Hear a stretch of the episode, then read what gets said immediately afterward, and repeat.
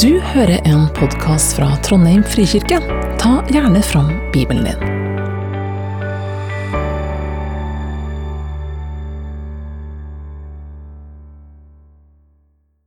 skal lese fra Efeserne 4, mm, vers 1-16. Så formaner jeg dere, jeg som er fange for Herrens skyld, at dere lever et liv som er verdig det kallet dere har fått, i mildhet, ydmykhet og storsinn, så dere bærer over med hverandre i kjærlighet. Sett alt inn på å bevare Åndens enhet i den fred som binder sammen. Én kropp, én ånd, slik dere fikk ett håp da dere ble kalt. Én Herre, én tro, én dåp, én Gud og alles Far, Han som er over alle og gjennom alle og i alle. Til hver enkelt av oss er nåden gitt, alt etter som Kristi gave ble tilmålt. Derfor heter det, Han steg opp i det høye og bortførte fanger, til menneskene ga han gaver. At han steg opp, må jo bety at han først var steget ned til det aller laveste, til jorden. Han som steg ned, er den samme som steg høyt opp over alle himler for å fylle alt. Og det var han som ga noen til å være apostler, noen til profeter, noen til evangelister, noen til hyrder og lærere, for å utruste de hellige til tjeneste så Kristi kropp bygges opp. Inntil vi alle når fram til enhet i troen på Guds sønn og i kjennskapet til ham og blir det, og blir det modne mennesket som er fullvoksent og har hele Kristi fylde så skal vi ikke lenger være umyndige småbarn, ikke la oss kaste hit og dit og drive omkring ved hvert eneste vindpust av ny lære, så det blir et bytte for menneskers falske spill og lystige, forførende knep. Men vi skal være tro mot sannheten i kjærlighet og, ett og, alt, og i ett og alt vokse opp til Ham som er hodet, Kristus. Ut fra ham blir hele kroppen sammenføyd og holdt sammen av hvert bånd og ledd. Alt etter den oppgave hver enkelt har fått tilmålt, så kroppen vokser og bygges opp i kjærlighet.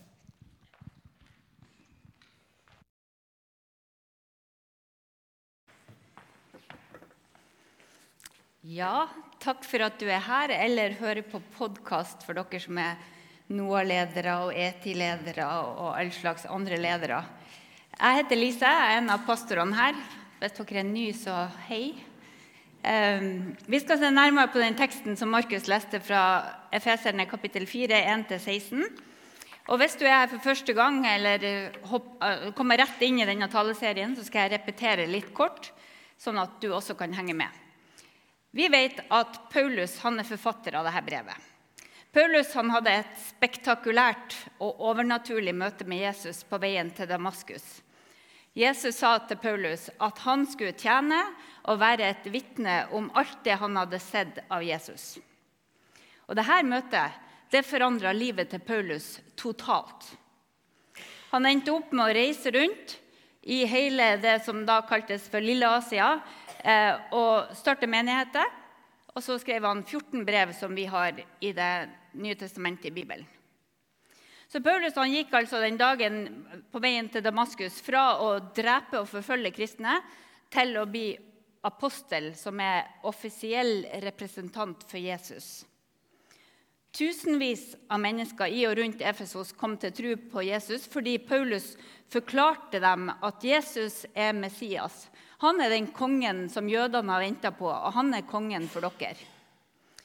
Han fortalte om Jesus som ga sitt liv på korset for at eh, hver den som tror på han skal få kunne være ansikt til ansikt med Gud. Hellig og uten feil, leste vi i Efeserne 1. Og så har vi hørt at det var mange som hadde mye å tape på at folk ble kristne i Efesos. Sist leste vi om opprøret i Efesos, at Paulus måtte rømme fra byen for å berge livet. Og hvis vi leser i apostlenes gjerninger, så ser vi at presset økte år for år. Eh, og Paulus ble til slutt kasta i fengsel. Eh, ble, flere ganger ble han kasta i fengsel, anklaga for opprør. Og Efeserbrevet det skriver han mens han sitter i fengsel i Roma, der han venter på dommen som skal vise seg å være slutten på livet hans.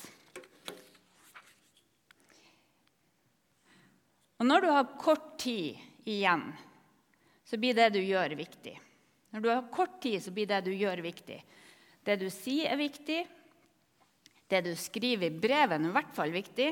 Så tenk på det når vi leser de her tettpakka tekstene i Efeserbrevet. at det er viktig. Det er viktig for Paulus å få sagt det han sier. Eh, og så har vi sett at Efeserbrevet er delt i to deler, der de første tre kapitlene eh, handler om hva Gud har gjort for oss. Vi lærte om Guds frelsesplan i Jesus Kristus. Og de tre neste kapitlene de handler om hvordan vi lever ut det nye livet i Kristus. Og dette er de kapitlene som mange av oss hopper over, eller leser kjapt igjennom. For her møter vi den Paulus som konfronterer og som utfordrer. De fleste liker de første tre kapitlene veldig mye bedre. Men ikke glem at det nye livet det handler om å leve med Jesus, og det er fundert på det Gud har gjort. Det er det vi har lest om, som vi skal bygge livet på. Det er en veldig tett kobling her. For den som tar imot Jesus ved tro, får nemlig en ny identitet som Guds elskede barn. Bibelen snakker om å bli født på ny. Du er ikke den du var før. I hvert fall ikke bare det du var før. Noe er nytt, noe er forandra. Jeg har tenkt mye på det de siste ukene. Hva kan jeg sammenligne det her med, sånn at du kan få tak i følelsen av det å få ny identitet? Jeg har vært innom mange bilder, men jeg har et par som er, kanskje er forståelige for de fleste. Da jeg starta på skolen i første klasse, så føltes det som noe stort hadde skjedd. Jeg var ikke lenger en av de ungene som drev rundt i nabolaget. For det gjorde vi på 70-tallet, før barnehagen kom. Jeg var blitt skolejente. Jeg hadde ting å lære, jeg hadde ting å gjøre. Jeg var ikke lenger liten, dvs. Si jeg var bitte liten, men jeg var blitt stor, for jeg var skolejente.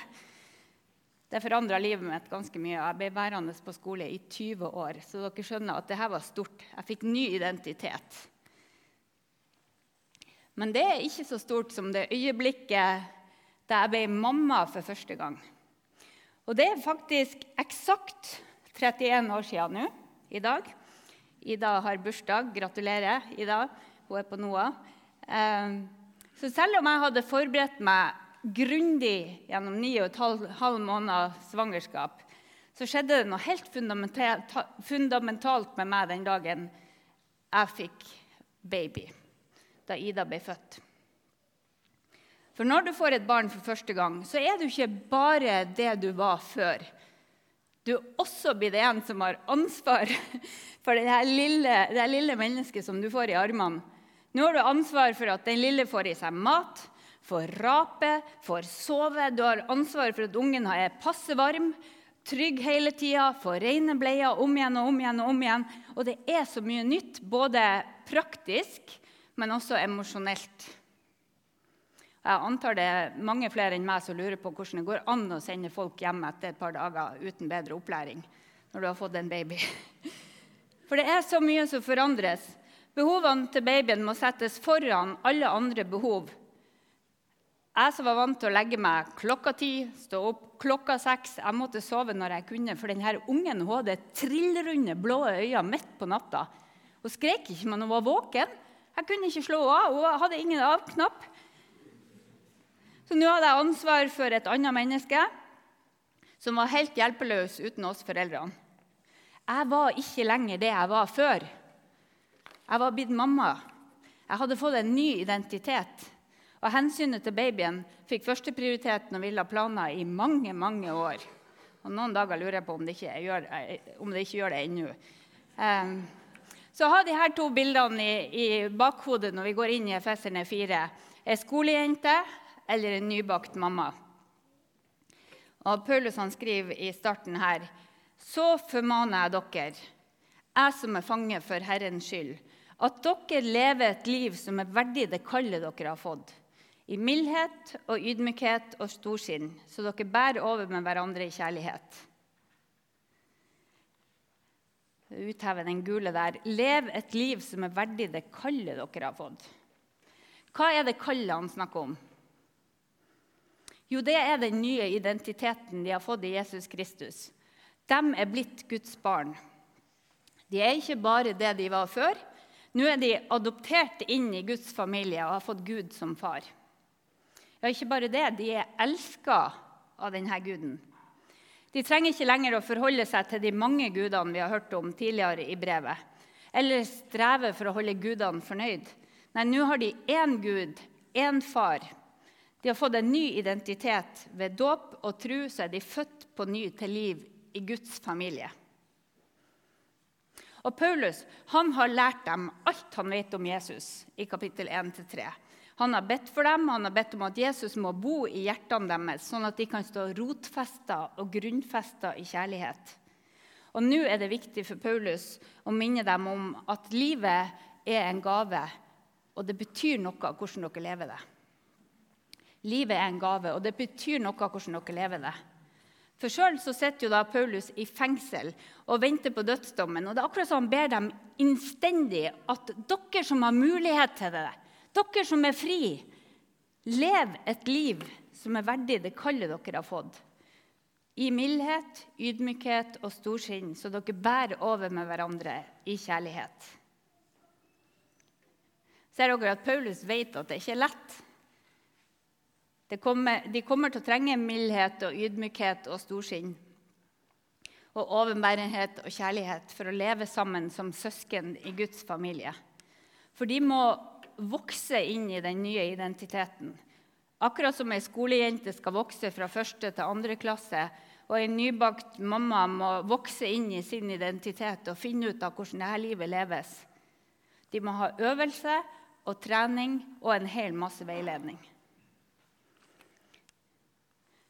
Paulus vet at det kommer til å kreve mye av de her nybakte kristne til å følge Jesus og leve sammen i Guds familie. For i denne menigheten i Efesos så har du mange forskjellige kulturer. Du har jøder og grekere, slaver og fri, kvinner og menn, unge og gamle. De er utsatt for forfølgelse utafra, men de står også i fare for å splittes innafra. Og Derfor så fortsetter han med disse versene i, fra vers 3. Sett alt inn på å bevare åndens enhet i den fred som binder sammen. Én kropp, én ånd, sånn som dere fikk ett håp da dere ble kalt. Én Herre, én tro, én dåp, én Gud og alles Far. Han som er over alle og gjennom alle og i alle. Og Hvis du teller her, så ser dere at én er gjentatt syv ganger. Og når det er syv ganger noe i Bibelen, så betyr det at det er komplett eller perfekt. Det er symbolet på når du sier ting syv ganger. Og så er det litt interessant, Hvis du leser de her versene nedenfra og opp, så ligner det på en trosbekjennelse. Hvis dere er med meg fra nederste verset her, så står det at vi tror på én Gud og alles far. Han som er over alle og i alle, gjennom alle og i alle. Og så Over der så står det at vi har én Herre, det er Jesus, som ved tru og dåp gir oss håp. Så tror vi på én ånd. Den hellige ånd kaller vi han for, eller hun for. Og én kropp, som er kirka eller menigheta. Så ånden den bor i den enkelte som tror, og så gir ånden liv og holder menigheta, kroppen, sammen.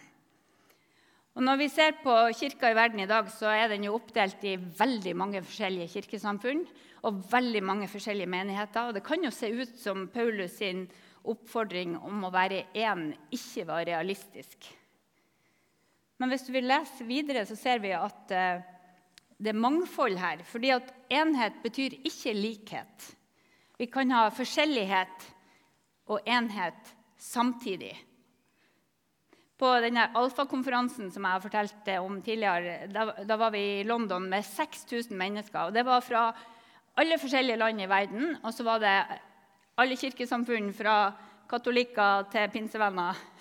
Omtrent sånn som i dag, da vi har besøk av Johan. Det var helt fantastisk mangfold. Og han som starta eh, konferansen, han, eh, han eh, Nikki Gumbel, som leder Alfa, han starta med det her. Han sier at. Hvis vi fokuserer på enhet, begynner vi å tenke på det som er forskjellig. Men hvis vi fokuserer på Jesus, da blir det enhet. Jeg tror det er sant. Og så var det så fint å synge med alle de forskjellige menneskene. Vi sang om Jesus, og så hørte vi på mange forskjellige historier om hva Gud har gjort, og hva Gud gjør, eh, hva Jesus gjør i livene til forskjellige folk. Så hvis vi fokuserer på Jesus, da blir det enhet. Men når vi kommer tett på folk som er veldig forskjellige fra oss, så krever det jo litt mer enn å tenke på Jesus. Da kreves det, som Paulus sier her, eh, mildhet, ydmykhet, storsinn, så dere bærer over med hverandre i kjærlighet. Og heldigvis kan Jesus hjelpe oss med det også. Jeg skal fortsette i vers 7, der Paulus sier noe rart. Han sier til hver enkelt av oss er nåden gitt, alt etter som Kristi gave blir tilmålt. Hva betyr det? Alt ettersom. Er det grader av nåde? Får noen mye og noen lite? Og Her må vi skille mellom to ting. Fordi at Vi blir Guds barn av nåde. I Efeserne 2,8, som vi leste sist, så sto det For å nåde er dere frelst ved tru. Det er ikke deres eget verk, men Guds gave. Så å bli Guds barn, det er en gave av nåde, og den er lik for alle. Her er det ingen grader av nåde. Men så, så gir Gud, eller ved sin ånd, han gir noe som heter nådegaver til den enkelte. Og Dette er personlige gaver som er forskjellige fra person til person. Og Hensikten med gavene er å hjelpe oss til å leve sammen. Se hva Paulus skriver om det fra vers 11. Og det var han, altså Jesus, som ga noen til å være apostler, noen til profeter, noen til evangelister, noen til hyrder og lærere. For å utruste de hellige til tjeneste, så Kristi kropp bygges opp inntil vi alle når fram til enheten i trua på Guds sønn og i kjennskapet til Han, og blir det modne mennesket som er fullvoksent og har hele Kristi fylde. Vi skal ta det bit for bit her. Ser dere at Noen blir satt til spesifikke roller, og så blir de utrusta for å tjene i dem. Her nevnes apostler, profeter, evangelister, hyrder, hyrder og lærere. Og de har fått særlig ansvar for én ting, nemlig å utruste de hellige til tjeneste, sånn at Kristi kropp bygges opp. Så dette er oppgaven til dem som får ansvar for å lede og undervise. De skal ikke bare tjene sjøl og for sin egen del, men de skal hjelpe alle de andre til å tjene, sånn at menigheten bygges opp. Bygges opp til hva da? Det står her i vers 13. Den bygges opp inntil vi alle når fram til enheter i trua på Guds sønn og i kjennskapet til ham, altså Guds sønn, og bli det modne mennesket som er fullvoksent og har hele Kristi fylde. Så Her så vi altså fem nådegaver nevnt. og Hvis vi leser de andre brevene i Bibelen, så finner dere ulike lister med nådegaver. og Hvis du prøver å telle de opp, sånn som mange gjør, så kommer du til hvert fall 22 nådegaver. Men det er antagelig mange flere enn det. Eh, for tre år siden hadde vi et nådegavekurs. 70 eh, stykker var med og tok en test. Er det noen her som var med for tre år siden? Er det noen, hold oppe hånda. Er det noen som var med i 2002 når vi gjorde det før der igjen? Hvor mange har tatt et nådegavekurs? Ja, dere er litt beskjedne med hendene, men jeg ser dere. Eh, vi brukte denne boka her, og så brukte vi en, en test som, som, lå på nett, der du svarer på en masse spørsmål, og så får du ut ei liste med en profil som viser de gavene du sannsynligvis har. Og En sånn test kan være nyttig for å finne nådegavene dine og lære mer om det du har fått. Men siden dette nådegavekurset var midt i pandemien, så var det ikke alle av dere som fikk prøvd ut gavene etter kurset. Så kanskje skal du ta frem resultatene og se om du skal finne deg en tjeneste der du får brukt de gavene du fant ut at du hadde. Og så er det lov å prøve seg fram. For Noen ganger må man prøve forskjellige tjenester og forskjellige grupper. Det som funker mot voksne, funker kanskje ikke mot barn osv. Så, videre. så det er lov å prøve seg fram. Eh, og dere kan ta kontakt med oss som jobber her, eller med folk i menighetsrådet hvis du tenker at 'jeg har en gave jeg ikke får brukt'. Kan vi hjelpe oss? Hjelpe hverandre? For du er viktig, og nådegavene dine har du fått for å bruke. Du er viktig, og nådegavene har du fått for å bruke. Og så er det jo selvfølgelig ikke alle tjenester i en menighet som forutsetter nådegaver. Da må vi jo ta frem Tommy, og, Tommy og, i Tommy og Tigeren I den første ruta her så spør Tommy, eh, mammaen til Tommy om han kan dekke bordet. mm, jeg tror ikke det. Jeg er ikke så begeistra for å dekke bord, svarer Tommy. Og det kom i andre bildet der. Og I siste bildet så sier han jeg syns ingen skulle tvinges til å gjøre noe de ikke er begeistra for. Og Vi må jo selvfølgelig gjøre en god del dugnadsinnsats som ingen opplever som veldig givende. Vasking og kaffekoking og rydding er det fint å dele på. Takk til alle dere som bidrar med det, og som svarer ja når dere blir spurt. Men hvis du skal være leder på Noas ark, eller være sjelesørger, eller spille i lovsangsband, eller lede møter og være konfirmantleder, så er det en stor fordel om det samsvarer med nådegavene og evnene dine. Det er bra for deg, og det er bra for oss andre. Så når vi har samtaler med, med nye medlemmer i Trondheim frikirke, så, så, bruker vi å spørre har du en tjeneste, eller kan du tenke deg en tjeneste. Eh, og da spør vi ikke om de kan tenke seg å gjøre det vi mangler. For vi mangler alltid folk til ting. Men vi spør det her spørsmålet.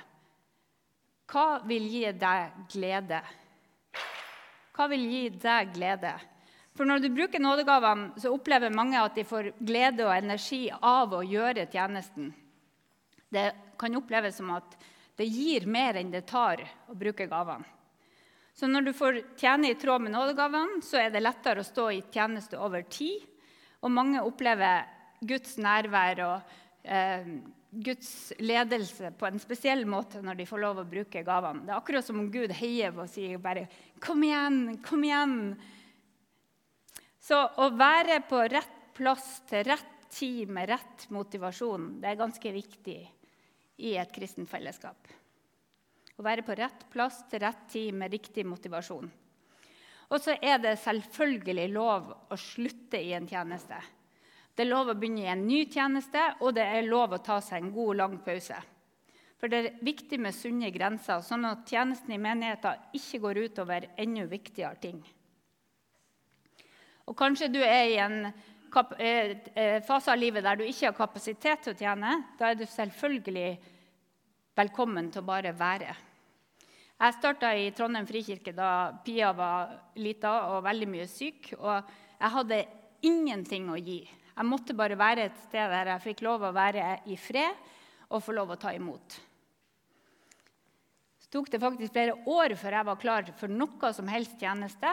Og det var helt greit da, og det er helt greit nå. Du er viktig i fellesskapet. Ikke for det du gjør, men for den du er. På engelsk heter mennesket 'human being', ikke 'human doing'. Vi er ikke det vi gjør, for vi har fått en ny identitet. Vi er Guds elskede barn. Men ikke undervurder gleden du kan få av å tjene på rett plass og til rett tid, med rett motivasjon og i passe mengde. Her kan vi be Gud lede oss han som elsker oss og kjenner oss og vet hvordan livet er akkurat nå. Så Oppsummert så kan vi si det her om nådegaver. At alle kristne, altså alle som tror på Jesus, har minst én nådegave. De fleste har sikkert tre eller fire. Mannen min har bare to, og alt annet er han helt på null. Men det er fantastisk når du finner gaven, og så vet du at det er det her jeg skal gjøre. Eller det er det her jeg ikke skal gjøre. Um, og så er det ikke vi som velger nådegavene. Første kor 12,11 sier Paulus alt dette virker den ene og samme ånd som deler ut sine gaver til hver enkelt, sånn som han vil. Det er egentlig et mysterium, men vi har altså en Gud som ved sin ånd deler ut forskjellige gaver til forskjellige folk. Og vi aner ikke hvorfor. Det vil si, Vi vet det, vi vet hvorfor vi har fått dem. Vi vet at vi har fått dem for å tjene, ikke for å bygge oss sjøl opp. 1. Peter 4,10 så står det 'Tjen hverandre hver med den nådegave han har fått', som gode forvaltere over Guds mangfoldige nåde. Så gavene er gitt til alle kristne. Det er ikke vi som velger, og de er gitt for å tjene.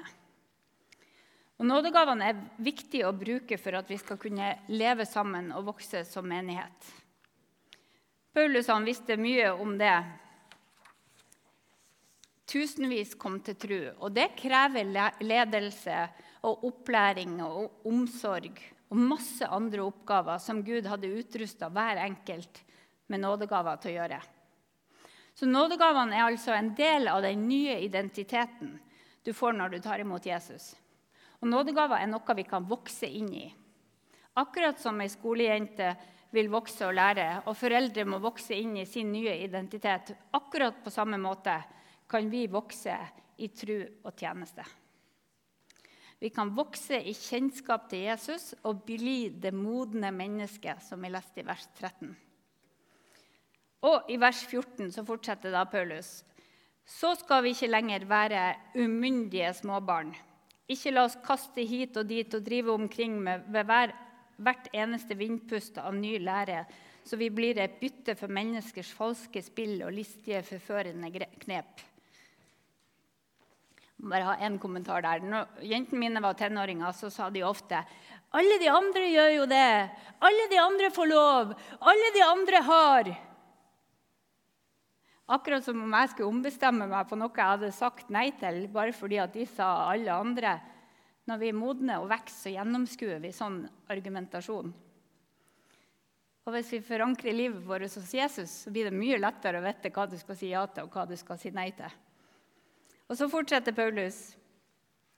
Men vi skal være tru mot sannheten i kjærlighet, og i ett og alt vokse opp til Han som er hodet, Kristus. Ut fra ham blir hele kroppen sammenføyd og holdt sammen av hvert bånd og ledd, alt etter den oppgave hver enkelt har fått tilmålt, så kroppen vokser og bygges opp i kjærlighet. Ser du det for deg? En kropp bestående av mange mennesker med ulike funksjoner og gaver. Og Jesus er hodet. Og så står det altså denne setninga her Vi skal være tru mot sannheten i kjærlighet og i ett og alt. I ett og alt vokse opp til Han som er hodet. Hva er denne sannheten Paulus snakker om her? Jo, det er at vi er Guds elskede barn. Så den som velger å satse på Jesus, får en ny identitet som Guds barn. Og det er en identitet vi får vokse inn i. Nå har jeg sagt det flere ganger. Sant? Vi får vokse inn i den. Og det er en identitet du har med deg overalt der du lever. I ett og alt. Og Jeg skal avslutte med å minne dere om det vi har lært tidligere i denne serien, nemlig at det er Gud som virker i oss med sin kraft og kan gjøre uendelig mye mer enn vi ber om og forstår. Det er Gud som gir oss evne og vilje til å gjøre det som er godt. Og det er Gud som gir oss nåde og gaver til å leve det nye livet i fellesskap, både i menighet og i samfunnet. Men det er vi hver enkelt av oss som bestemmer hvordan vi vil forholde oss til Gud. Det er vi som bestemmer om vi vil ta imot gaven som er å få en ny identitet som Guds barn. Det er vi som bestemmer om vi vil vokse inn i den nye identiteten sammen med andre mennesker. Det er det vi som bestemmer. Så folkens, vi har fått ett liv å leve, og det er viktig hva vi gjør med det. La Jesus være sentrum, og så vil alt annet finne sin plass. Og ta i bruk nådegavene hvis du ikke har gjort det. For da kan du bidra til at enda flere får møte Jesus og få ny identitet som Guds barn. Jeg kan ikke tenke meg, og jeg har tenkt, jeg kan ikke tenke meg noe bedre for et menneske enn å være Guds barn og kjenne Jesus Kristus. Vi ber. Takk, gode Gud, at du er en Gud som kom til oss og levde blant oss og vet hvordan vi har det. Takk for ny identitet og at vi får lov å komme akkurat sånn som vi er til deg. Takk at du utruster oss sånn at vi kan være en del av din kropp. Hold oss fast hos deg, Jesus, lær oss å gå på dine veier. Jeg ber deg spesielt for konfirmantene som skal inn i et år med læring. Jeg ber om at du holder dem fast hos deg og lærer dem å gå på dine veier.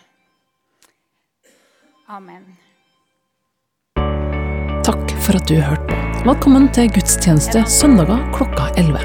Mer informasjon finner du på trondheim.frikirke.no.